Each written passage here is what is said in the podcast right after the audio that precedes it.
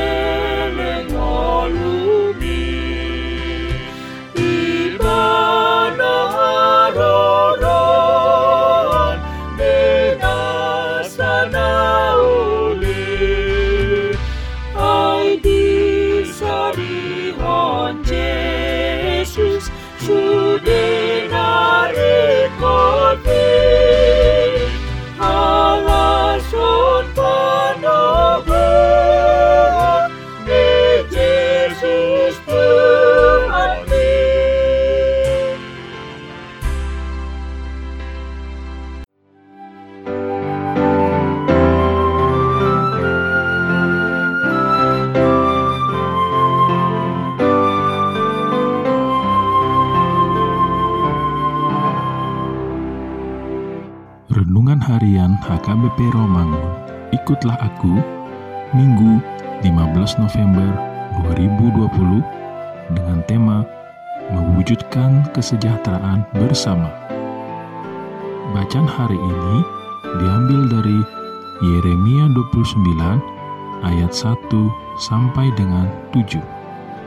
Beginilah bunyi surat yang dikirim oleh Nabi Yeremia dari Yerusalem kepada tua-tua di antara orang buangan, kepada imam-imam, kepada nabi-nabi, dan kepada seluruh rakyat yang telah diangkut ke dalam pembuangan oleh Nebukadnezar dari Yerusalem ke Babel. Itu terjadi sesudah Raja Yekonya beserta Ibu Suri, pegawai-pegawai istana, pemuka-pemuka Yehuda dan Yerusalem, tukang dan pandai besi telah keluar dari Yerusalem. Surat itu dikirim dengan perantaran Elasa bin Safan dan Gemaria bin Hilkia yang diutus oleh Zedekia Raja Yehuda ke Babel kepada Nebukadnezar Raja Babel bunyinya Beginilah firman Tuhan semesta alam Allah Israel kepada semua orang buangan yang diangkut ke dalam pembuangan dari Yerusalem ke Babel. Dirikanlah rumah untuk kamu diami, buatlah kebun untuk kamu nikmati hasilnya.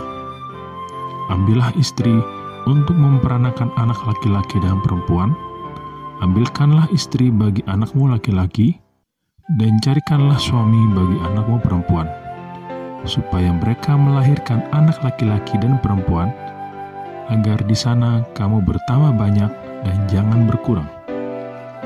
Usahakanlah kesejahteraan kota ke mana kamu aku buang, dan berdoalah untuk kota itu kepada Tuhan, sebab kesejahteraannya adalah kesejahteraanmu.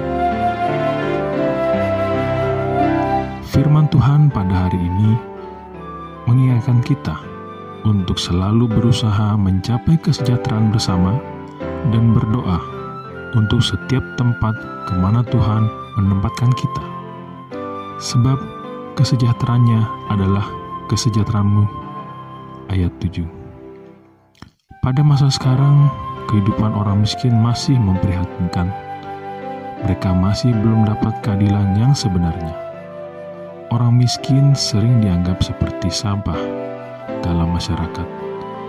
Tempat tinggal orang miskin sering dirampas orang kaya untuk kepentingannya sendiri tanpa memperhatikan berapa orang yang menderita akibat perbuatannya. Dalam menghadapi masalah di atas, orang-orang Kristen maupun gereja tidak boleh diam dengan membiarkan penderitaan itu terus-menerus berlanjut. Banyak yang dapat dilakukan gereja untuk menolong, mengurangi, bahkan menghapus penderitaan yang dialami orang miskin.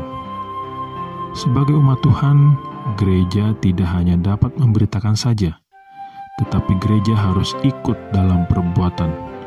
Misalnya, memberikan lapangan pekerjaan, membuka kursus misalnya menjahit, memberi pengharapan kepada orang miskin bahwa mereka juga saudara kita, dan Tuhan selalu menyertai kehidupan semua orang, termasuk orang miskin.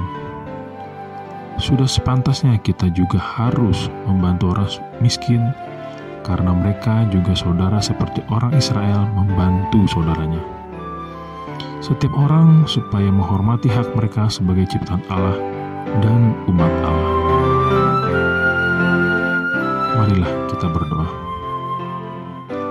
Bapa, tolonglah kami untuk dapat menjadi berkat bagi sesama kami. Amin.